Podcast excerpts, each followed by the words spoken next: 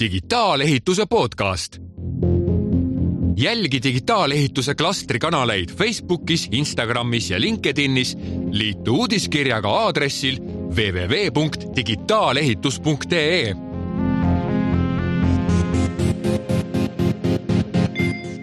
tere tulemast, kallid kuulajad, taas kord tagasi digiehituse lainele ja eetris on juba seekord siis seitsmes digitaalehituse klastri podcast. ja märkamatult on, on see aeg läinud, kus me oleme jõudnud äh, juba kuus äh, erinevat saadet salvestada mm, mitmetel huvitavatel teemadel, alates allianslepingutest kuni digikaksikute ja üldse digitaalehituse kui fenomeni defineerimiseni, startup idest rääkinud ehitusvaldkonnas, et äh, kindlasti, kes veel pole varasemaid kuulanud, soovitan äh, pilk peale visata, äkki leiab midagi huvitavat. ja, ja kindlasti tasub äh, neid põnevaid külalisi kuulata, kes meil on siin käinud erinevatest saadetest. aga täna me oleme jõudnud võib-olla selle ehitise elukaare või eluringi, kuidas nüüd keegi tahab nimetada, sinna tagaotsa. mitte päris lõppu aga ütleme nii, et sellesse kõige võib-olla pikemasse faasi, ehk siis kui sa midagi projekteerid, midagi ehitad, sa lõpuks tahad ju seda kasutada.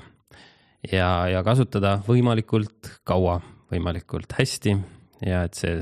nii-öelda, kui sa teed sellega äri, et siis ta toodaks sulle võimalikult palju tulu. ja kui sa näiteks elad kuskil majal, et siis sul oleks võimalikult mugav seal elada, hea ja tore elukeskkond nii-öelda. ja selleks on meil siin stuudios et seda teemat, äh, mis puudutab just siis haldust ja kinnisvara korrashoidu äh, digiehituse võtmest või digivaatevinklist lahata, on meil siin rekordarv külalisi, ehk siis mitte seekord kolm, vaid isegi neli külalist. ja teeme kiire tutvustusringi, äh, alustades võib-olla nendest häältest, mida te varasemates podcast'ides võib-olla ära tunnete, aga Kaia, räägi palun kiirelt endast ja, ja miks sa äh, kinnisvara korrashoiust äh, meile siin saates nüüd räägid? tere kõigile, Kaia Kirs on minu, minu nimi ja nagu sa, Jaan, õigesti ütlesid, et me oleme jõudnud kõige pikema ehitise elukaare äh, faasi siis käsitlemisse. see on kinnisvara korrashoid ja see on tegevus, mille, mis on täitnud minu elu viimased kakskümmend pluss aastat ja olen pakkunud äh, kinnisvara korrashoidjatele, kinnisvara omanikele äh, ja kinnisvara kasutajatele erinevaid ähm, tarkvaralahendusi. ja praegu seda teemat nii-öelda edasi käsitledes, siis oleme ka tegemas ühte platvormi, mis need osapooled omavahel koostööle paneb ja olen digitaalehituse klastri juhatuse liige ja, ja mitmed töögruppide äh, liige ka. aitäh, Kaia ja sinu kõrval äh, istub ka meile juba vist eelmisest saatest tuttav Kaur. tutvusta ennast palun uuesti. tervist, mina olen Kaur, äh, ettevõtte Tulitek siis asutaja ja, ja ettevõtte Venture üks asutajatest. ja mis me teeme, et Tulitekis tegeleme BIM konsultatsiooni koordineerimisega, tõustusmudelite loomega ja nähtavasti peale teostusmudeli äh, loomist peaks siis äh, halduses kasutusel olema. ja täna olemegi, olengi siin selleks, et äh, seda teemat siis laiemalt lahata. Venture poole pealt siis tegeleme tarkvaraarendusega ja loomegi tegelikult neid tööriistu, mm, mida võiks siis näiteks halduses kasutada ja meil on täna ka mitu sellist haldusega seotud projekti ka käimas. aitäh, Kaur ja laua teises otsas istuvad äh, kaks äh, äh, värsket meest. alustame, Urmas, sinust, räägi, kust sa tuled ja mis sa teed? tere, minu nimi on Urmas Alber ja töötan Rail Baltica projektis ja tegelen varadehalduse süsteemi ülesehitamisega. varadehaldussüsteem selles mõttes, et need, mis on fikseeritud varad ehk siis maa küljes kinni ja tegeleme me sellega nii, niiviisi, et äh, impordime mudelitest info meie varade haldamise andmebaasi, mis esialgu on meil varade register. ehk siis me, et me teaksime kõike, mida me ehitama hakkame. aitäh, Urmas ja last but not least, Hendrik, sina küll tegeled mitme asjaga, aga räägi võib-olla siis sellest just kinnisvara korrashoiu võtmest, et mis sind seal paelub? Jaa, et minu nimi on Hendrik ja mina olen digitaliseerimise konsultant. et minu põhiklient on seotud eelkõige kinnisvarasektoriga, aga üritan neid konsulteerida siis digitaliseerimise teemadel. et, et varasem töö ja elu on, on olnud nii projekteerimisel, ehitusel kui ka nüüd haldusel. et, et ürit-, tean, tean, kuidas sektor töötab ja üritan siis aidata sektoris osalejatel teha paremat, digitaalsemat koostööd. aga täna olen muuhulgas siis ka TalTechis, töötan seal äh, kinnisvara IT-projektide juhina. Ja, ja minu nii-öelda otsesteks klientideks on siis kinnisvaraosakonna töötajad, kes, neid on kuuskümmend tükki ja nemad vastutavad siis kinnisvara haldamise eest terves TalTechis, et nelikümmend üheksa hoonet ja neli tuhat kaheksasada ruumi ja et mina siis aitan IT ja digitaliseerimine aitäh, Hendrik. Äh, väga tore seltskond on minu arust kokku tulnud, et meil on hea tasakaal, et äh, Hendrik ja Urmas on sisuliselt nagu need äh, kasutaja poole peal, et teie päriselt on mingeid varasid, mida te tahate hallata, on ju. ja Kaur ja Kaia siis on need, kes pakuvad, ma saan aru, lahendusi. aga kui me räägime mm, infomudelitest, BIM-ist, sellest me oleme siin igas saates on see märksõna läbi käinud ja paljud seostavad just seda digiehitusega, kuigi kes on kuulanud saateid, teavad, digiehitus on palju enamat kui BIM. aga, aga kui palju ikkagi kinnisvara korrashoius seda BIM-i kasutatakse, et me oleme küll projekteerimises, ma ütleks väga palju, ehituses äh, natuke vähem. aga vot see kinnisvara korrashoiu poole peal kuidagi nagu väga nagu ei, ei ole näinud neid äh, case'e, aga kuulaks ennem just need, nagu nende kasutajate poole pealt, et Urmas, Rail Baltical on väga korralikud, väga korralikud, võib-olla isegi kohati liiga korralikud BIM nõuded ähm,. aga mis te nende BIM-idega, BIM-mudelitega siis ikkagi korrashoiu faasis teete? no meil on selle BIM-i põhiline osa, see i-täht seal keskel ehk siis informatsioon. et kui me praegusel hetkel äh, projekteerime neid sildu, truupe ja nii edasi, siis mudelisse pannakse see info sisse, me saame seal kätte kõik need atribuudid, mida meil on halduseks vaja. milline on selle truubi kalle, kui palju sealt vett võiks läbi voolata, kus ta täpselt asub. kõike seda saab siis halduses hiljem kasutada ja kas teil on ka olemas süsteem, kuhu te seda infot kogute, et noh, Rail Baltica muidugi noh, teda veel ei eksisteeri, on ju, et praegu on ta puhtalt, ongi digitaalselt olemas mingite juppide näol. Äh, ja, ja kindlasti kunagi saab ta olema ka füüsiliselt olemas. aga kas on nagu see juba paigas või nägemus olemas, kuidas siis sedasama PIM-ist saadavat informatsiooni vastavalt siis halduses ja korrashoius kasutada?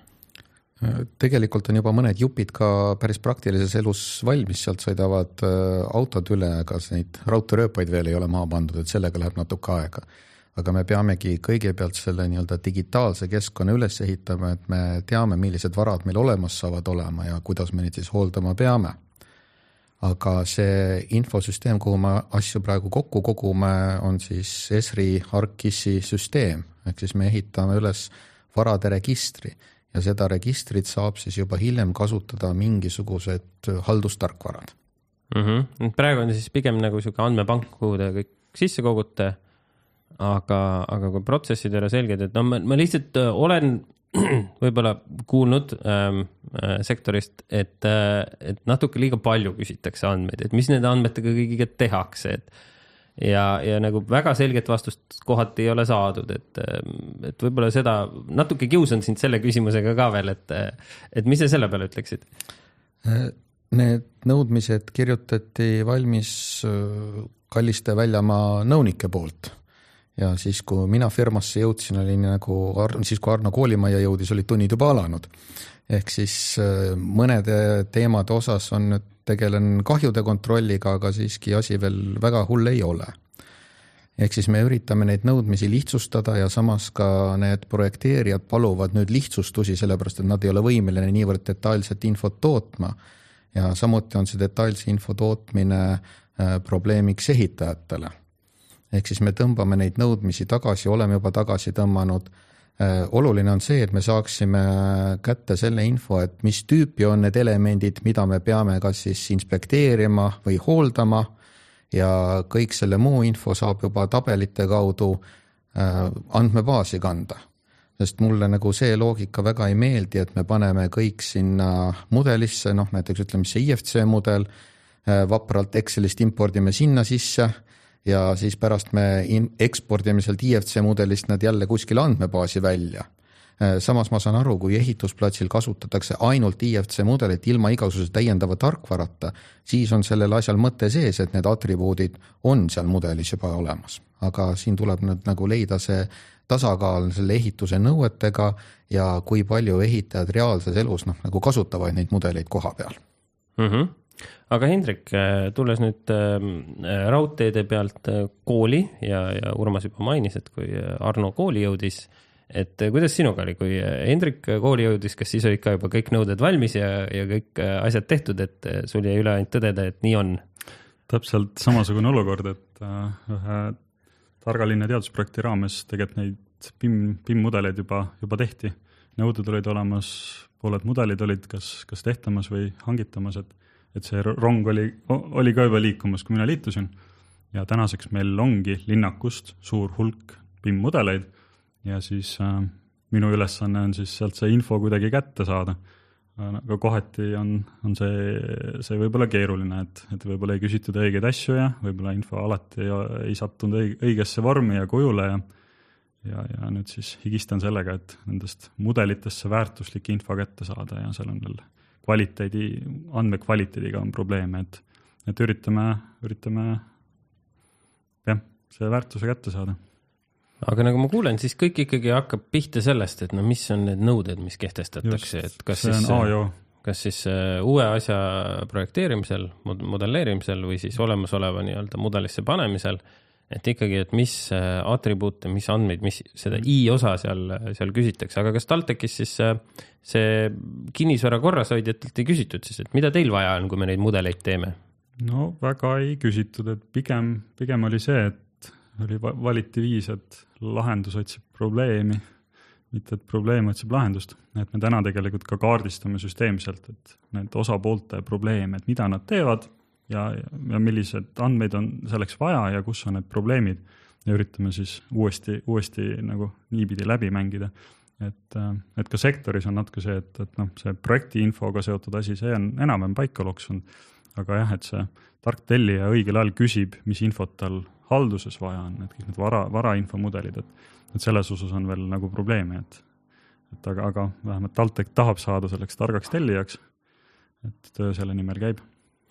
Aga kui palju sa tunnetad seda, et see kinnisvara mm, korrashoiu osakonnas need inimesed ilmselt võib-olla varem pole nii palju PIM-iga kokku puutunud, kas nad näevad selles nüüd nagu lisandväärtust, tundub see neile põnev või nad vaatavad, et mingi mõttetu lisaasi jälle? ei, nad on väga põnevil ja selles mõttes on, selles mõttes hästi tore töötada, et nad millegile ei ei ütle ja BIM tundub neile ka hästi lahe. Nad võib-olla olid natuke kurvad, et, et see BIM-i tehti, aga nende elu nagu paremaks ei läinud. et äh,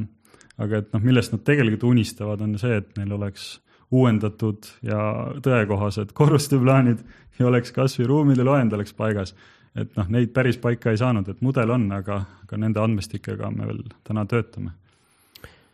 aga läheme nüüd nende tarkvara äh, lahenduste pakkujate juurde, et äh, Kaia, sina tunned, ma arvan, vist oled üks nendest vähestest, kes teab kõige paremini kogu seda valdkonda siin Eestis ja tunneb kõiki. Et ähm, kuidas sina hindaksid seda BIM-i kasutust äh, kinnisvara korrashoidus Eestis? ma arvan, et see on üsna tagasihoidlik praegu ja, ja see tuli praegu ka Urmase ja Hendriku jutust hästi välja, et äh, need ootused ähm, korrashoidja või siis ka ütleme omaniku poolt on või võib-olla veidi teised, et pigem praegu ma näen, et ähm, äh, me oleme situatsioonis, kus mudel tekib ehituse käigus või renoveerimise käigus ja siis peab talle nagu mingisuguse sellise vormi otsima, et ka korrashoidjast, korrashoidjal oleks tast midagi kasu. Äh, ja, ja see on keeruline, et, et tegelikult me praegu seda teemat lahkame mitmes kohas ja mhm. mitme nurga alt, kuidas need andmed, äh, kui, kui me lepime kokku, mis need andmed on, mida ka korrashoidja vajab, kuidas me need andmed liikuma paneme, kui palju me neid kogume mudelisse mis tegelikult on see tööriist, missugune on see tööriist, millega hakkab korrashoidja tööle. see on just Praegu... väga oluline ja see on väga organisatsioonispetsiifiline, et just. iga organisatsioon on erinev, eesmärgid erinevad, tarkvarad erinevad, et seda ei saa võtta kui sellist ühte monoliiti, et, et on mingid nõuded ja mingid mudelid. just, et meil on noh, tegelikult ju haldustarkvarad olemas väga pikka aega, neid on järjest juurde tulnud, on selliseid, mis katavad nagu kõik vajadused, on selliseid, mis teevad väga hästi ära mõne osa, kuidas need omavahel tööle panna, et siin on minu arust praegu selliseid küsimusi rohkem kui vastuseid, aga, aga ma arvan, et me oleme teel nende vastuste leidmisele. aga Kaur, sa juba alguses mainisid, et äh, mõned huvitavad projektid, millega te tegelete just kinnisvara korrashoiu poole peal. Äh, äkki räägid natuke lähemalt, et mis siis, äh, mis projekte siis tehakse ja kuidas seda BIM-i siis nagu korrashoius kasutatakse? No meil on mõned BIM koordineerimisprojektid, kus me oleme kohe tellija juures ja tellija on soovi avaldanud, et tahaks piloteerida mudelit halduses. no täna ütleme, sinna on veel mõni aasta aega, ennem kui see reaalselt nagu valmis saavad, need hooned, aga oleme nagu teel selles suunas. siis äh, tarkvaralahenduste poole pealt äh, oleme, ütleme piltlikult öeldes sellist materjalitootjate andmebaasi üles ehitamas või arendamas. kas see õnnestub, eks aeg näitab, aga esialgu on eesmärk nii-öelda need mudelid, mis meile jõuavad, nii-öelda oleks lihtsamini infostatavad või siis vähemalt info sinna sisse lingitav aga Kaur, kui palju on neid konkreetseid kinnisvara korrashoidjaid, kes on tulnud, võtnud telefoni, helistanud sulle, et kuule, Kaur, sa oled see PIM-i mees, sa tead kõike PIM-ist, ma tahan ka seda kasutada et tule aita mind, äh, näita mulle, mis mudelit mul vaja on ja, ja mis tarkvara. et kas sul siukseid kõnesid ka on olnud? kinnisvara korrashoidjate poole pealt mitte, et pigem tellijad on kuulnud, et äh, kuule, et, et PIM-i vist saab äh, halduses kasutada, et mis variandid on ja siis äh, oleme nii-öelda mingisugused mõtted ja variandid nii-öelda neile välja pakkunud loomulikult kõik lõpuks taandub rahale, et, et ka meie ei oska täna öelda, kas see neid aitab ja nemad ka ei oska öelda, kas see, see tarkvara rakendamine seal halduses nii-öelda lõpuks annab neile selle efekti, mida nad saavutada soovivad ja kas see nii-öelda tulu on suurem kui kulu. Jah, vot seesama küsimus mind ka nagu tegelikult kõige rohkem huvitab, et ähm, kui mõelda kinnisvara korrashoiu peale, noh, ütleme sihuke tüüpiline, ma nüüd kindlasti stereotüpiseerin Äh, palun juba ette vabandust selle eest, aga noh, tavaliselt on mingi tüüp, on ju ähm, ütleme talle mingi suvalise nime, Jüri või Jaan ja, ja tema tunneb maja, on ju, tema teab seda, ta teab seda peast juba, ta teab täpselt, kus asub see seade, kus asub see ruum ja noh, tema PIM mudel on tema peas olemas, et noh, tal nagu otseselt ei ole seda vaja ja noh, võib-olla ta väga palju nagu palka ka ei küsi, on ju, aga kui sa siis mõtled, et hea küll, et teeks nüüd, äh, uuendaks protsesse, teeks, äh, hakkaks mudelipõhiselt tegema, siis seesama Jüri või Jaan, et noh, tema, tema oskustes jääb võib-olla väheseks, ta on võib-olla niisugune vanem äh,, vanem inimene, juba niisugune kogenenud ja võib-olla väga ei tahagi nii, neid uusi tööriistu ja polegi vaja sest asjad ju toimivad, äh, pirnid saab vahetatud, äh, filtrid saab uued paigaldatud, seal, kus on vaja seina krohvida või maalida või midagi teha, ust parandada, kõik saab tehtud. teab, kus võtmed on, millised uksed avanevad. et noh, et kas nagu siis ei olegi nagu selle PIM-iga midagi seal peale hakata või ma näen, et Hendrik, sa kibeled sellele vastama, et sa, sa, sa, sa tundsid midagi ära sellest jutust ta,. tahaksin kommenteerida jah, et see kokkuvõttes minu tunnetuse järgi sõltub sellest, kui suur see organisatsioon on, kes seda kinnisvarahaldust teeb et kui seal ongi see üks inimene ja tal mõned, mõned jüngrid veel, et siis saabki võib-olla lihtsalt tehtud. aga kui rääkida näiteks TalTechist, siis on kinnisvaraosakonnas on kuuskümmend inimest ja hooneid on nii palju, et äh, kui piltlikult öeldes haldustalituse inimene omab peas kõike seda infot, siis äh, hoolduse ja ehitustalituse inimene ei tea seda infot. ja siin tuleb ikkagi see korrastatud info nagu, nagu väga-väga-väga kasuks. muidu tehakse nagu üks linnak, aga tegelikult igal on oma, oma mudel peas, et, et siis see läheb juba käest ära. aga Kaia, sina kindlasti tunned kõiki neid suuremaid kinnisvara korrashoidjaid Eestis, et äh, kuidas nende nagu see suhtumine on, et okei okay,, et kui Hendrik ütleb, et noh, suuremas ettevõttes, suuremas organisatsioonis on sellel loomulikult rohkem pointi ja sellest ma täitsa saan aru. aga miks nad siis, need suuremad ettevõtted ikka veel ei, ei tunne selle vastu niivõrd huvi ja ei ole seda kasutama hakanud? ma arvan, et see käis siin mitu korda ka läbi, et kus ikkagi päriselt on see lisandväärtus, mis sellest see, siis päriselt on, nagu kasu on. see on oluline. et äh, ütleme, korrashoidja täna, kui ta ei ole noh, nii nagu Hendrik on TalTechis endas sees, ta on nagu tellija esindaja, eks, et teie ostate ka väljast sisse korrashoiuteenust. Et äh, see korrashoidja tegelikult joondub selle tellija ehk siis äh, omaniku järgi, et mida omanik küsib seda ta pakub. ja kui täna omanikul on endal mitu küsimärki selle mudeli kasutamise kohta ja tegelikult ütleme, kas see visualiseerimise pool äh, versus andmete pool nii-öelda tekstilisel moel, et kas see visualiseerimise pool on nii oluline ja annab nii palju juurde, kui ollakse harjunud lugema 2D jooniseid, eks ju. just, just ja nagu Jaan ka välja tõi väga hästi, et ega see haldusmees, noh, ta on ju ruumides aastaid ja võib-olla aastakümneid käinud ja kõik, enamus kolleegidest on aastakümneid käinud ja saavad vabalt jalutada ruumi, et nendel see geomeetria nii väga oluline ei ole. et nad, neil on see päriselu mudel on olemas, et aga jah, see infomudel on olulisem, see sisu mõttes, et meil on info struktuurne ja info on mudelised ja, ja Urmas äh, tahab ka siia lisada, ma vaatasin äh, nüüd püsti. et me peame vaatama ka seda efektiivsuse külge, et kui meil on praegu üks mees, kellel kõik on tema kõrvade vahel, siis üks hetk tema läheb töölt ära ja mida ettevõte siis teeb? Äh, samas ka see, et me tahame oma kulusid kogu aeg optimeerida, kas on mõttekas omal pidada palgal viite meest, kes teevad üsna väheseid asju või ikkagi sa võtad selle teenuse mingisugusest professionaalsest hooldusfirmast sisse. Ja juba see hooldusfirma temal juba peaks nagu mingisugune andmebaas olemas, et tal need mehed ja meeskonnad nagu liiguksid äh, optimaalsel trajektooril ja teeksid ära kõik need ennetava hoolduse tööd, mis on, sest tegelikult see hoiab lõppkokkuvõttes meil aega kokku, kui me need ventfiltrid õigel ajal välja vahetama, selle asemel, et siis äh, sellega jääda hiljaks ja kõrge temperatuuriga tuleb meil kuri legionella bakter sisse ja, ja, ja igasugused muud asjad mm. -hmm. ehk me oleme ikkagi selle info koha peal see i on seal kõige mm -hmm. tähtsam, et kui me Just. räägime sellest mudelist, siis mitte nii täht-, nii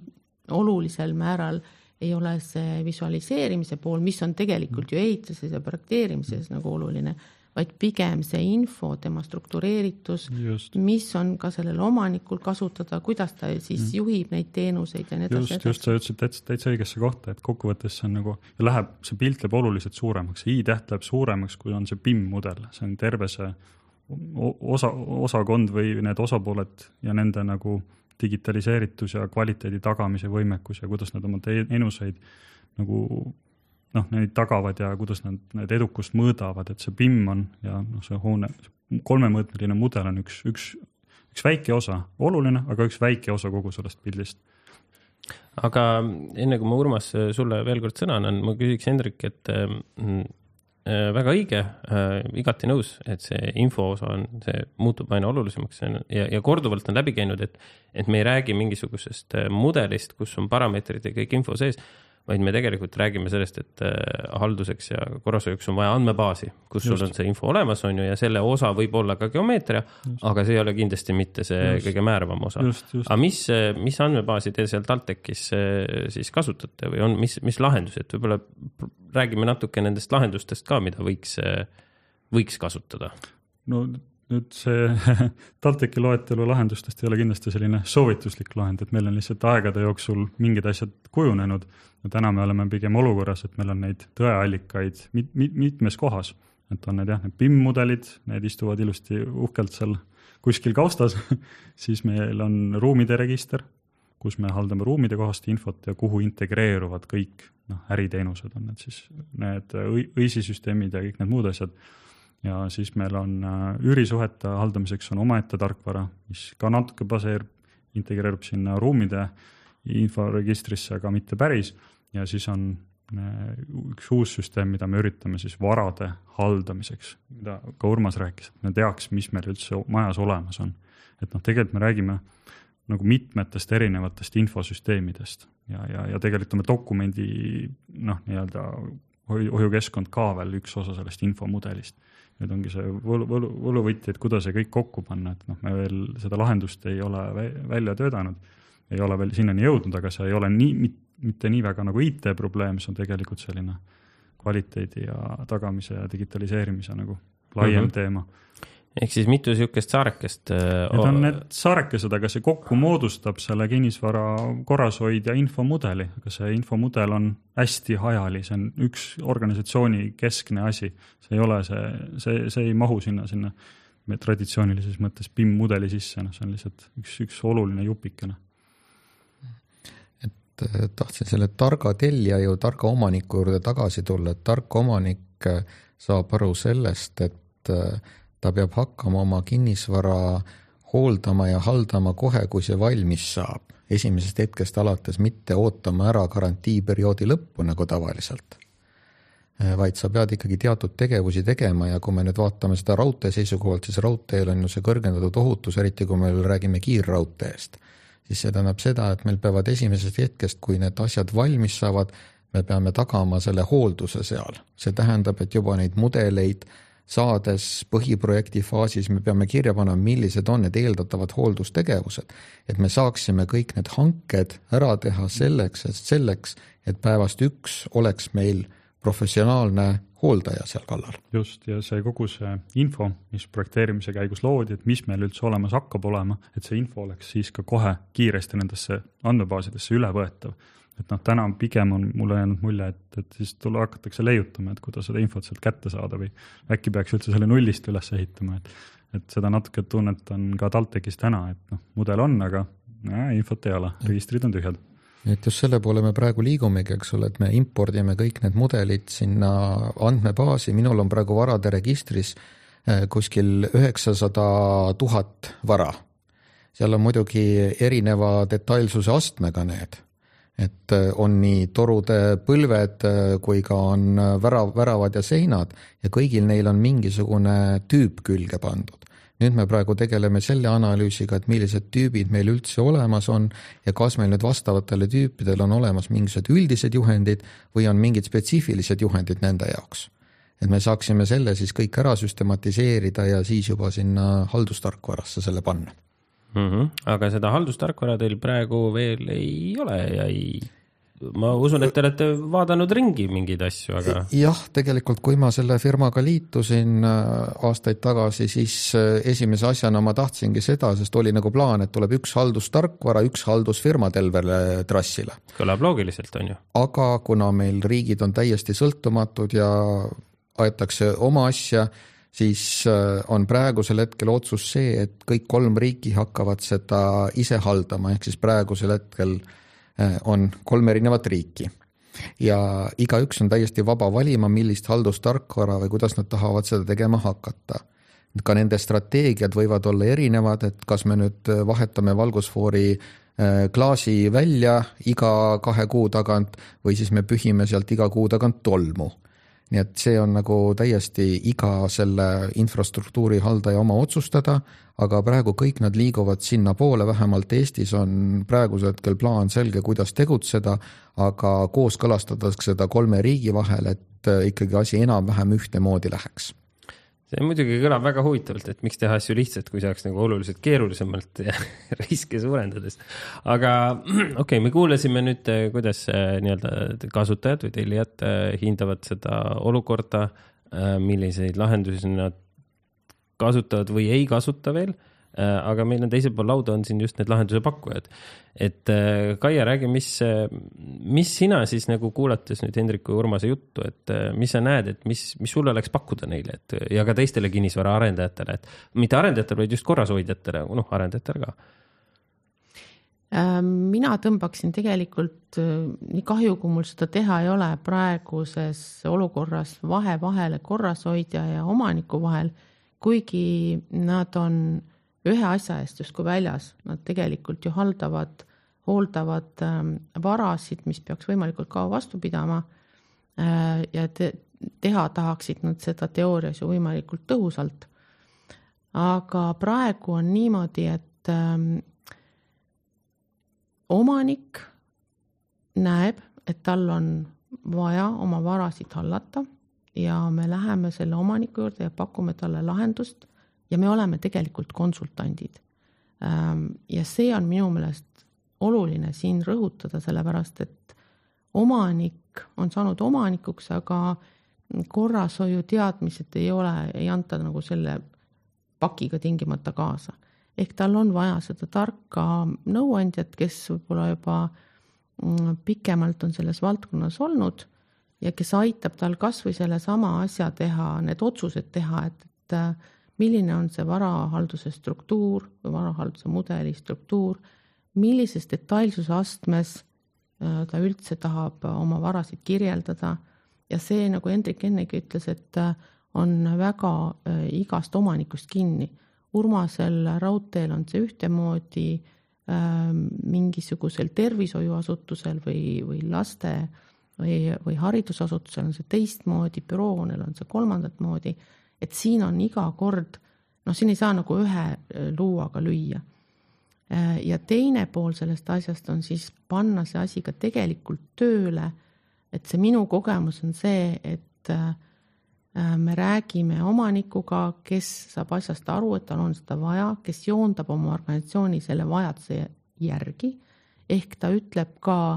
nendele, kes kuskil neid konkreetseid töid teevad, milleks seda asja vaja on ja mis siis see tulemus on. Äh, ja ideaalis ma näen, et ta kuidagi ka toetab seda ikkagi täiendavat äh, koormust, mis tekib andmete kogumisel ja haldamisel ja süstematiseerimisel äh, sellega, et, et kui on kokkulepitud tulemused saavutatud, siis nendel inimestel, kes on panustanud, sellest ka võib-olla, ma ei tea, rahakotis või kuskil mujal midagi muutub. et see selline ähm, motivatsioonisüsteem sinna taha ka panna, et kindlasti on see, äh, on see ka suur muutuste juhtimise projekt, et, et me oleme nüüd jõudnud tegelikult sellest BIM mudelist märgatavalt kaugemale organisatsiooni sisse kõigi Just. nende, kõigi nende nii-öelda üksikute asjadeni, mis selle eduka projekti siis nagu kokku paneksid. ja kui ma veel lühidalt äh, ütlen, et mis korrashoidja poolelt paistab, äh, siis on äh, korrashoidja täna teebki seda, mida omanik ütleb, ta sisestab mingisugused oma tehtud tööd näiteks omaniku süsteemi või siis on ka täiesti teine nagu äärmus kus omanik ütleb, et mind tegelikult ei huvita, ma võtan korrashoidja koos tema süsteemiga, andmata endale aru, et kui see korrashoidja siis äh, läheb, sellepärast et lepingut enam näiteks ei pikendata, siis ta läheb koos nende andmetega, läheb koos selle keskkonnaga. aga korrashoidja täna on põhimõtteliselt olukorras, kus ta püüab äh, anda endast parima, et siis sellele omanikule pakkuda seda teenust, mida omanik ootab ja teha seda võimalikult odavalt, sest et see on selle nagu korrashoiuteenuse noh, ma ei tea, hinnalipik või selline bränd, et ta peab olema odav, ta peab olema selles ähm,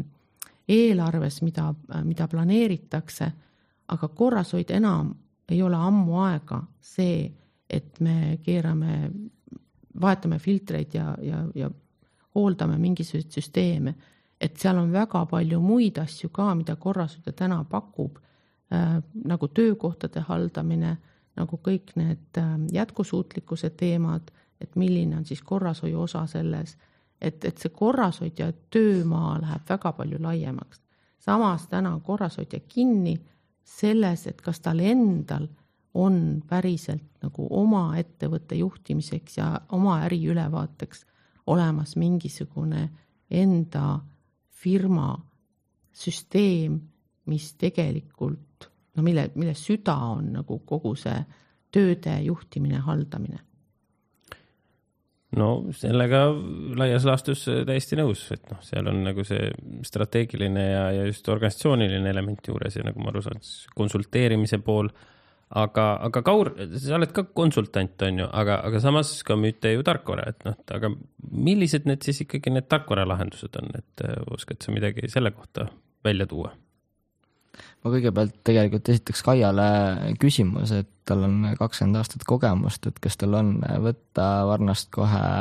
nii-öelda mingi hea use case, mis on nagu, et ennem kui kasutatud tarkvara ja nüüd, kui on see tarkvara ja konsultatsioon kõik äh, läbi viidud, see protsess, et nüüd milline on see võit? Äh, ma saan aru, et sa, Kaur, küsid nagu mingit mõõdetavat võitu. Äh, ma olen selle teemaga hästi palju tegelenud lihtsalt iseenda huviks ja uurinud erinevaid konsultatsioonifirmasid, mis nad ütlevad, suured konsultatsioonifirmad äh,, tarkvaratootjad, IBM, Archibus ja jõuame tavaliselt alati välja ühte kohta ja see on kuskil ähm, kakskümmend, kolmkümmend protsenti üldkuludest äh,. et see on nagu tegelikult see Äh, mida äh, ollakse nii-öelda uuringute ja, ja katsetuste tulemusena leitud, samas ähm, kui me nüüd püüaksime ja ma olen püüdnud seda teha, et ma lähen kuskile firmasse, kes küsib endale äh, tarkvara äh, ja, ja ma olen talle öelnud, et okei okay,, et teeme selle alguspunkti nüüd selgeks, et kus te täna olete, mis teil täna toimub Äh, ja mis me siis saavutada tahame, kui haldustarkvara on äh, juurutatud ja kuidas me seda mõõdame. ja me jääme tavaliselt toppama sinna, et seda alguspunkti ei suudeta fikseerida. et on küll mingid raamatupidamislikud arusaamad asjadest, aga, aga väga raske on nii-öelda neid kahte äh, punkti nagu võrrelda, et äh, mis noh, meie oleme saavutanud või mis meie oleme näinud, et annab abi, on see, kui me lepime siis alguses kokku, et kellele mida vaja on selles organisatsioonis ja millega me seda mõõdame, millised on need mõõdikud ja kas me need saavutame või ei saavuta. et, et sealt juba tuleb see võit ja tuleb loomulikult võit ka sellest, noh, see on ka taas üks, üks äh, uuring küll juba kahe tuhande kümnendast aastast, et kui palju äh, inimestel läheb oma tööks vajaliku info leidmiseks tööaega ja see uuring leidis, et see on kakskümmend viis protsenti tööajast. et kui me teeme nüüd sellised lihtsad matemaatikat siin ära ja, ja ütleme, mõtleme, et see inimene võib-olla saab näiteks keskmist palka, et need numbrid ja ma olen need alati ühele slaidile pannud, on päris hirmuäratavad. aga see on taas see, et see on nagu kaudne me ei seisa ju kellegi kõrval stopperiga ja ei, ei mõõda, et ahah, et, et nüüd sul läks, tänasest päevast läks sul mingi kaks tundi kaotsi, et sa otsisid asju ja helistasid ja küsisid ja vaatasid ja leidsid, et see Excel on vana ja nii edasi, nii edasi. et, et mis ma tahan öelda nagu üldise sellise printsiibina, et kui andmed on kõik ühes kohas koos ja kui nad on kättesaadavad nendele, kes peavad nendega midagi tegema, siis see on juba väga-väga suur võit. Et ma veel lisaks juurde, et äh, eelmises elus, kui ma veel Archibussi juurutasin, siis äh, üks telekomi ettevõte, kes on ka praeguse hetkeni Archibussi klient edasi, siis äh, kui me hakkasime seda tarkvara kasutusele võtma, siis erinevad osakonnad said laua taga kokku ja nad avastasid, et neil on tegelikult väga palju ühisosa ühed tegelesid ühe alaga, teised teise alaga, aga mingis punktis nad puutusid kõik kokku ja nüüd nad said aru, et sinna ühte keskkonda koguneb kõik see info kokku. ja seega noh, see ettevõtte suhtluskeskkond, infovahetus nagu kiirenes tunduvalt, et seda nagu, äh, nagu Kaia ütles, et stopperiga ei mõõda. ja see oligi tegelikult see protsess, mis pandi selles konkreetses firmas paika, äh, need osapooled selles protsessis, mida nad tahavad saada, mida nad sinna annavad ja noh, see, see ongi tegelikult see lähtepunkt, eks ju nii et kas me, me siis ei saa rääkida nagu konkreetselt mingist, et noh, võtan selle tarkvara äh, kasutusele ja no, hopsti ongi kakskümmend, kolmkümmend protsenti võitu ja, ja kõik on hästi, et et see ei ole ainult tarkvara kasutuselevõtt, vaid see ongi tegelikult ettevõtte nii-öelda protsesside muutmine. see on protsesside muutmine ja näiteks TalTechi näitel meil mingil hetkel üritasin neid kokku lugeda, aga äkki oli nelikümmend või viiskümmend erinevat tarkvara. Et sa ei noh, ongi hästi palju erinevaid tarkvarajasid ja erinevaid kasutusjuhte, et lihtsalt oluline, et need vähegi mõistlikult kokku töötaksid, et mingeid asju saab omavahel ka koondada, aga, aga jah, see tegelikult on praktikas suur komplekt erinevatest asjadest. aga Kaur, kuidas sina seda ikkagi näed, et Tulitech ju tegeleb ka tarkvara mingite variantide edasimüügiga, et aga nüüd siis Venture tegeleb ka juba nagu arendusega, et, et kas sa näed ka rohkem, et on vaja siukseid custom lahendusi või, või ikkagi on võimalik võtta nagu parimaid praktikaid ja neid suht kiirelt ja lihtsalt rakendada, sest noh, jällegi no, minu lihtsale ajule äh, jääb nagu veidi segaseks või veidi arusaamatuks, et noh, me ju ei tegele raketiteadusega, et noh, kinnisvara korrashoid, haldus, kõik see asi on ju toiminud aastakümneid, kui mitte aastasadu. ta on küll komplekssemaks läinud, aga no siiski, me, me ju ei ole selles mõttes nagu Eestis ju kuidagi te, võrreldes ülejäänud maailmaga mingisugune eri case, et meil on samasugused majad, meil on samasugused teed ja infra Ehm, aga, aga Kaur, kuidas sa seda näed, et või, või siiski on piisavalt erilised eh, need eestlased, et neil on oma asja vaja? ei, oma asja kindlasti ei ole vaja, aga eks kõigil on eh, omad konkreetsed soovid eh, ja vajadused, et kas me haldame kortermaja mingit infoprojekti või mingit kooli või, või haiglat, on ju, siinkohal tegelikult mina arvan, et riik oleks see, kes ütleme, Riigi Kinnisvara haldab ju hästi palju erineva nagu loomuga objekte, kes võiks tegelikult piloteerida erinevate hoonete peale erinevaid ka võimalusi, on ju. et nad täna ka ju ootavad mingit kuldmuna kuskilt, on ju, aga seda kuldmuna ei ole tulnud. et kuskilt otsast tuleks alustada ja vahel ongi niimoodi, et mõni tarkvara turul, mis on äh, hirmkallis, ei, ei täida seda nii-öelda eesmärki. Ja teisipidi vahel on mingi võib-olla odavam tarkvara, kuhu on võimalik mingi väike jõnks juurde arendada, on ju, mis äh, täidab selle eesmärgi ära, et see algab tegelikult protsesside kaardistamisest, et nii nagu me BIM-i puhul teeme ju BIM rakenduskava täna, siis tõenäoliselt halduse puhul on sama, et meil peaks olema nii-öelda halduskava, on ju, et äh, mis tarkvarad, mis, äh, mis võimalused, äh, mis eesmärgid ja seal tulebki nii-öelda nii tellija kui, kui haldaja nii-öelda niisugune tugev koostöö ja, ja mis, mis võimalused ja piirid on ühel või teisel Urmas, ma nägin, sa seal äh, juba kibelesid midagi kaasa ütlema. jah, et äh, haldust on tehtud äh, aastasadu ja, ja samas minul oli ka mulje, et raudteesid on varem ehitatud ja varem kasutusele võetud.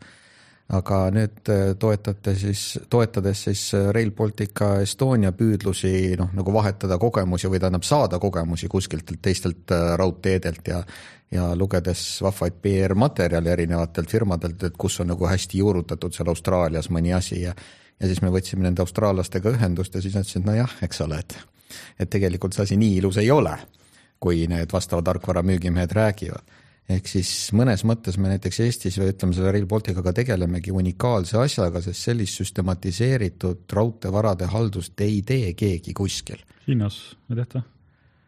Äh, vaata hiinlastega ei ole suhelnud Nad otse jah, et äh, Tõenäoliselt see ei, ei, ei ole püüdnud, sellepärast et äh, nagu Hiinad ei ole praegu, Hiina ei ole nagu nende paiposti nimekirjas, kellega me peaksime suhtlema ja kogemusi vahetama. no aga kogu Euroopa on ju kiirraudteid täis, vaata Deutsche Bahn äh,, Prantsusmaal, igal pool ju DGV-d sõidavad.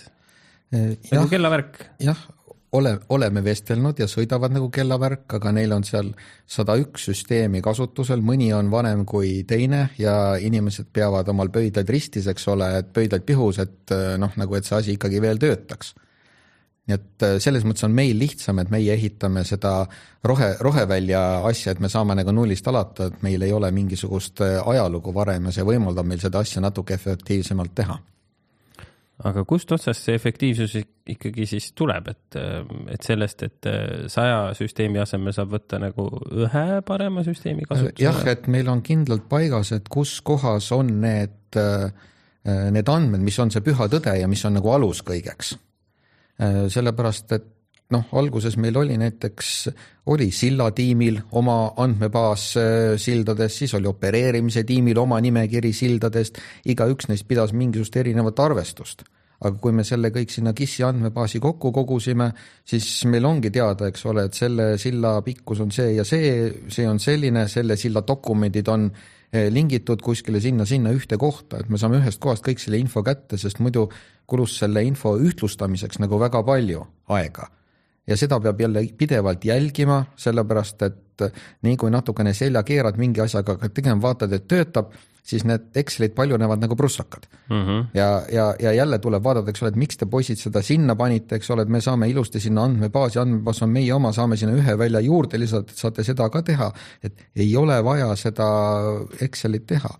aga ikkagi on see tööprotsess, et just, et kuidas me saame selle töö efektiivsemaks, et mõelda välja, et mida, mida me tahame ja, ja kui meil on selge nagu, mida me tahame ja mis ärilist efekti see annab, siis me saame alles selle tarkvara poole pöörduda, mitte seda, et me nüüd võtame tarkvara, on kõik meil mured lahendatud. sest tarkvara juurutaja tuleb ka kliendi juurde, räägib, küsib, et nad, mida sina tahad, et seda asja on võimalik teha niipidi, naapidi või kolmandat moodi, et äh, need on need variandid, aga lõpuks sina pead otsustama et see, miks ma nagu selle Rail Balticaga liitusin, see, et ma saan nüüd istuda nagu teisel pool lauda ja öelda, kuidas ma tahan asju saada mm. -hmm sest muidu ma olen see konsultant, kes läheb firmasse, räägib, et noh, nii, nii on mõistlik, aga ei, meil ikka noh, me ikka tahame teistmoodi teha. Äh, see on, vabandust, ma segan korra, et, et see on nagu väga hea, mis Urmas siin välja tõi ja seda oleme me omalt poolt ka Reminetis konsultantidena rõhutanud, et me oleme alati pika koostöö perspektiiviga. me ei ole teie nii-öelda tarnijad või vähemalt mitte ainult teie tarnijad, vaid me oleme teie koostööpartnerid, kes pakuvad teile oma kogemust, mida me oleme äh, pika aja jooksul nagu omandanud ja, ja räägime koos teiega läbi, kuidas teie tahate. ja nii nagu Kaur ka enne ütles, et äh, siis on meil mingisugune äh, valik tarkvaradest, millest me paneme kokku selle lahenduse. mitte iga kord üks ja seesama, et see, selle asja nimi ei ole alati äh, ma ei tea, Archivus näiteks, eks ju, vaid et ahaa, midagi teil juba on, siia nüüd sobiks juurde veel see, kui teil midagi ei ole, siis mis tähendab äh, nii-öelda nullist alustamine sisuliselt, kuidas need andmed, äh, kust, kus need andmed täna on, nagu Urmas ütles, et, et Excelites nad on, et me nimetame seda oma firmas Exceldamiseks, et see unistus on, et see Exceldamine ära lõpeks, et asjad saaksid ühte kohta kokku ja, ja noh, sealt siis nagu edasi minna. Ja samm-sammult, me ei pea täna kõike nagu kogu torti ära sööma, et hakkame lihtsalt ühest kohast minema, võtame tükkhaaval ja jõuame siis järjest sinna välja, kuidas ka klient näeb, et tal see süsteem areneb ja, ja, ja noh, siis tal tekivad mõtted, et aa, et võiks veel seda ja kas saaks seda ja toda ka. Ehk siis ähm, noh, mida, mida ma siit nagu kaasa võtan, on see, et kinnisvara korrashoidjad ja, ja tellijad, kliendid, et et enne kui te lähete seda suure tuhinaga seda tarkvarabrošüüri lugema, siis mõelge ikkagi läbi, mis teil endal vaja on ja milleks teil seda just, vaja on. just, aga, aga tahaks veel lisada ka see, et selline parim praktika, kuidas asju võiks teha, et see, see võiks ka rohkem levinud olla, et ma nagu ise nüüd juba tunnetan, et, et need kinnisvara korrashoidjad ongi need Exceldajad, teevad oma majas, leiutavad maailma ja sellepärast me olemegi justkui väga erinevad kõikidest teistest. aga kui me suudaks kuidagi sellise ühise baasteadmise võimalikult hea tekitada, siis noh, tegelikult üks hetk me saame aru, et me teeme, see maailm on täis samasugune ka naaberkrundil, et ja siis sobivad need tarkvarad ka et äh, brošüüre lugege ikka ja, ja minge nende tootjate kodulehekülgedele või pöörduge nende müüjate poole, et nad neile tutvustaks oma võimalusi, sest tihtipeale te võib-olla isegi ei tea, mis kõik on võimalik. et äh, mina tegin alguses,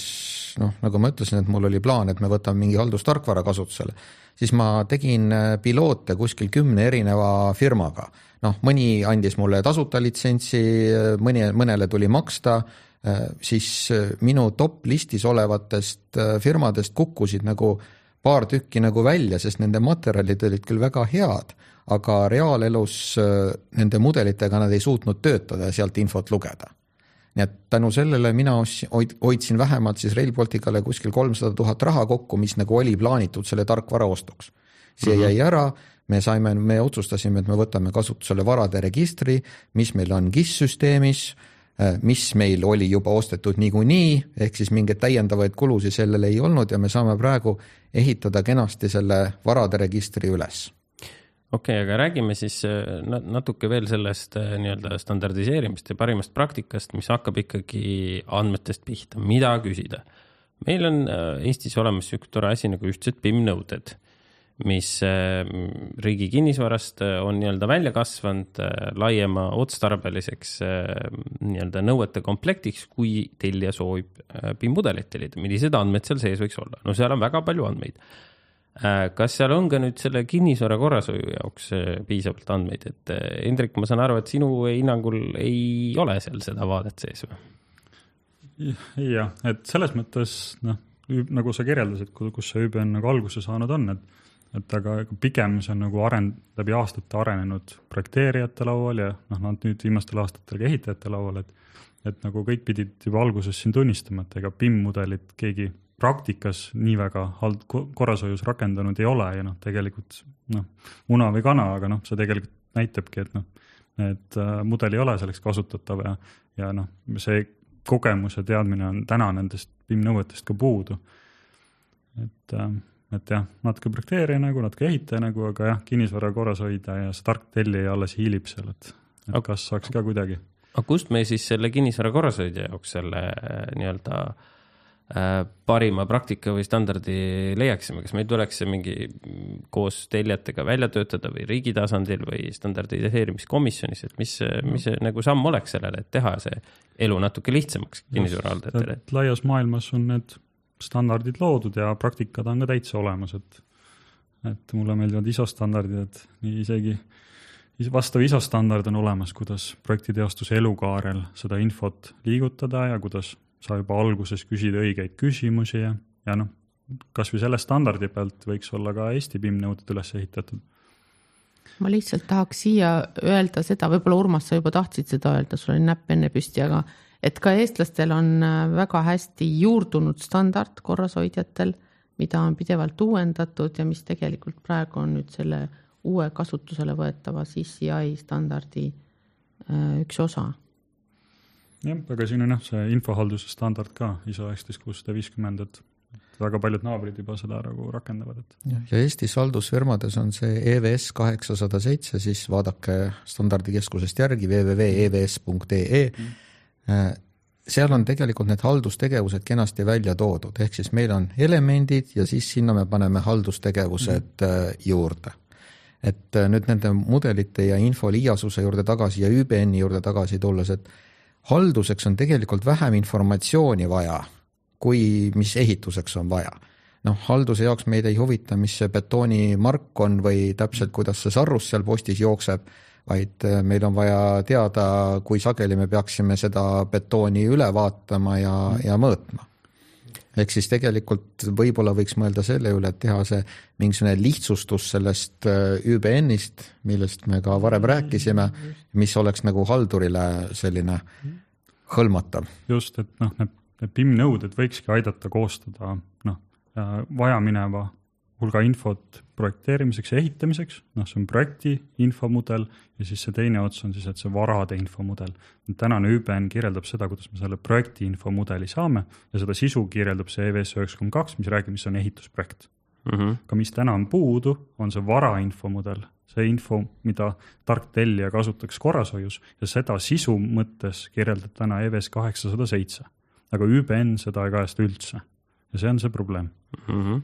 okei okay,, no eks nende standarditega tuleb siis edasi tegeleda, aga, aga üks küsimus, mis mul veel on tekkinud, ähm, kui me räägime just äh, nendest infomudelitest ja võib-olla sellest geomeetria poolest, mis on ju äge vaadata, ta on visualiseerida, ta annab palju juurde. aga noh, ütleme, et sul on vaja seal mingit siseseina muuta, sul on vaja teha väikeseid parandusi, mis väljenduvad ka geomeetrias et siis nagu jookseb kogu see asi kokku, eriti kui me räägime siin IFC-dest ja noh, kinnisvarahalduses tavaliselt ju ei ole projekteerijaid ega, ega projektbüroosid, kes siis kohe nagu äh, lupsti kõik ära teevad, et noh, nad küsivad selle eest ju lisaraha ja siis on nagu küsimus, et aga milleks ja noh, tegelikult ju ma lihtsalt nihutan ühte seina või panen, vahetan ukse välja või panen siia ukse, siia akna et, et kuidas neid geomeetrilisi nagu äh, äh, muudatusi saaks kajastada BIM-is, sest, sest ütleme, et kui meil läheb mõned aastad mööda ja noh, mida suurem ettevõte, noh, büroohooned, eriti kaubanduskeskused, seal ju kogu aeg ehitatakse ümber midagi. et, et, et kas siis see nagu geomeetriline osa tõesti kaobki sinna tahaplaanile ja temaga polegi midagi teha või? vot seal on, ongi, et see, see, mis kunagi ehitati suure suure, suure etapina, et see projekti infomudelina, see on väga hea, et see info on olemas ja teostusmudel, kõik asjad, aga jah, sa tõid välja selle olulise asja, et et äh, kui see selle viiekümne aasta jooksul, kui seda asja kasutatakse, et see pidevalt on muutuses. et, et aga, et seda kuidagi ajakohastada ja noh, selle nii-öelda geomeetrilise osa võib teha noh, ma, mulle, minule tunnetuslikult oluliselt lihtsamana. et see mingi sellisel, vähemalt sellisena, mida sa suudad no nii-öelda no, no mille kvaliteeti sa suudad tagada, et mida sa suudad uuendada. et kõige lihtsamal tasemel ongi kas see, kas või korruseplaan, mida sa hoiad uuendatuna, noh ideaalis no, vähegi kaasaegne lähenemine, et sa hoiad kas või seda arhitektuurset lihtsat mudelit uuendatuna, aga selleks siis peab jah, olema konkreetne inimene, kes vastutab ja, ja protsessid. Sest jah, TalTechil neli tuhat kaheksasada ruumi, no ma isegi ei tea, paljudel, paljudes iga aasta remonte ja asju toimub, et noh, täna on isegi keeruline neid ruume kokku lugeda, et millised on kokku läinud, millised laiemaks läinud, et aga et see info peab sinna mudelisse jõudma korralikud haldustarkvarad peaksid olema nagu seotud siis selle BIM mudeliga, mida kasutatakse või siis äh, võimaldama sealt seda infot äh, lugeda või teisaldada oma süsteemi. Näiteks see, mida meie sinna KIS-i tõstame, et me impordime sealt nii selle 3D kui ka 2D kui ka siis need punktidena. ja kui nüüd näiteks seal on mingisugune hoone sees, mingi terminal näiteks, ja seal otsustatakse mingi sein ümber ehitada, siis me võtame ainult selle ümber ehitatud seinaelemendi, mille kood oli enne seal AB kolmsada kakskümmend üks, me kustutame selle elemendi andmebaasist ära ja impordime uue elemendi sinna asemele. ehk siis sealt sellest IFC mudelist näiteks. Äh, muidugi väga armas oleks, kui me rakendaks rohkem neid äh, projekteeri ja ehita lahendusi, sest siis ei kaoks sealt mudelisse info vahepealt ära. muidu meil on niimoodi, et äh, ühes etapis üks projekteerija teeb asja ära, siis ta ütleb, et temal on ärisaladus, tema kogu infot ei anna, anna üle ja jälle peab järgmine projekteerija otsast hakkama või näiteks noh, meie projekti puhul on niimoodi, et oli projekteeritud, hispaanlased projekteerisid selle allplaani keskkonnas, meil Eestis allplaani ei kasutata, seega meie ehitaja võttis, modelleeris selle asja ümber, sest meie kui tellija nõuame lõpuks seda as-built mudelit ja mm -hmm. neil oli muidugi oma masinate jaoks oli ka vaja see asi mudeldada, et jälle vahepeal kadus see info ära. just, ja isegi kui see tarkvara, mida pärast kasutatakse, on seesama tarkvara, mida ka kinnisvara korrashoidja võib-olla kasutatakse, aga kui seal see projekteerija on mingisuguseid lisavigureid seal tarkvarasid kasutanud, et oma tööd efektiivistada, siis pärast korrashoidjal seda infot up to date hoida on väga raske, et et kui see projektiinfomudeli keerukus on seal sees okay., skriptid ja template'id eks siin teemadesse võib väga sügavuti minna ja ma näen, et me kraabime siin seda pealispinda ikkagi ja, ja kahjuks me täna väga sügavuti rohkem minna ei jõua, sest aeg hakkab otsa saama. aga ma võib-olla lõpetuseks küsiks ähm, teilt kõigilt, et, et, et kui kutsuks, ütleme sarnasesse mm, formaati, sarnasesse saatesse, ütleme kolme aasta pärast tagasi, et mis, mis te näete, et mis võiks olla natuke paremini või no rohkem arenenud äh, Eestis, mis puudutab just kinnisvara korrashoidu ja PIM-i. et Kaia, võib-olla alustaks sinust. kui nüüd unistada ja ma arvan, et need unistused lähevad kiirelt täide praegu, kuidas, kui tehnoloogia nii kiirelt areneb, siis ma arvan, et äh, üks asi on, et on sellised konsultandid, inimesed, spetsialistid, kes hakkavad seda infot koguma juba päris algusest, nii nagu Urmas täna tegelikult teeb, et raudteed vist tasapisi ehitatakse ja sina samal ajal kogud varainfot ja süstematiseerid seda. see on üks asi äh, ja tõenäoliselt ja ma loodan, et selliseid äh, spetsialiste tunnustatakse ka siis omanike poolt. ja teine asi, mida ma arvan puhtalt tehnoloogia vaates, on see, et me täna, meil on nagu see mingid tükid laual, aga meil ei ole sellist äh, ühtset head lahendust, et me liigume, ma arvan, sinnapoole. ja ma usun, et siin on äh, digikaksik see asi, mis äh, hakkab ähm, mängu muutma. see, kuidas reaalajas hakkavad äh, sellesse kaksikusse tulema ähm, erinevatest kohtadest vajalikud andmed, erinevatest andmeallikatest ja see, et ta annab meile juba siis reaalajas Ähm, infot ja arusaamist sellest, kuidas meie vara, kuidas meie hoone toimib. et need kaks punkti võib-olla. aitäh, Kaia. Kaur, sinu unistused kolme aasta pärast? Ehm, no kolme aasta pärast võiks olla see materjali toetatud andmebaas valmis, aga kui võtta teiselt poolt, siis ma usun, et me oleme vähemalt kogemuse võrra rikkamad, et äh, nagu ma ennist ütlesin, et kahe-kolme aasta pärast need projektid, mida me täna nii-öelda oleme alustanud koordineerima, et need äh, peaks haldusesse ka jõudma, et äh, ja siin on erinevad äh, koostööpartnerid laua taga ja meil endal on ka portfellis mõned tarkvarad, mida saaks äh, võib-olla piloteerida ja katsetada, on ju, et äh, ühesõnaga eesmärk oleks mm, targemaks saada aitäh, Kaur. Urmas, sinu äh, nägemus, äh, kolme aasta pärast Rail Baltic on valmis? Äh, ei, seda kahjuks veel mitte, aga ma tulen tagasi Kaia eel, en, e, sõnade juurde, mis ta varem rääkis nagu jätkusuutlikkusest. et noh, selle jätkusuutlikkuse sünonüümina kasutatakse ka kolmetähelist lühendit ESG ja järjest rohkem suurtel firmadel, kes tegelevad just nimelt teiste Euroopa firmadega, suhtlevad, kas siis müüvad midagi või ostavad sealt, siis pööratakse sellele jätkusuutlikkusele nagu väga palju tähelepanu. Ja selle jälgimine eeldab ka seda, et sul on mingisugused süsteemid, kus sa jälgid oma tegevusi, kuivõrd säästlikult sa ehitad, kuivõrd säästlikult sa hooldad seda. ehk siis see nagu peaks ka motiveerima seda haldustarkvara kasutuselevõttu ja mis nüüd puudutab raudteed, siis äh, selle koha pealt ma loodan, et äh, selle aja jooksul on saanud äh, kolm riiki omavahel sõbralikult kokkuleppele, millist infot me milliste elementide kohta kogume ja et see oleks kõigil ühtlustatud. et ei oleks niimoodi, et me peame vedurijuhti vahetama siis, kui rong ületab Eesti-Läti piiri. ilusad unistused, Urmas, aitäh sulle, aga Henrik jaa, no minul on ka üks selline he hele, helesinine unistus, et äh, äkki me kolme aasta pärast äh, näeme, et see digitaliseerimine kinnisvarasektoris on laiem kui nende mudelite tegemine, et see on mingi asi, mis on terves organisatsioonis ja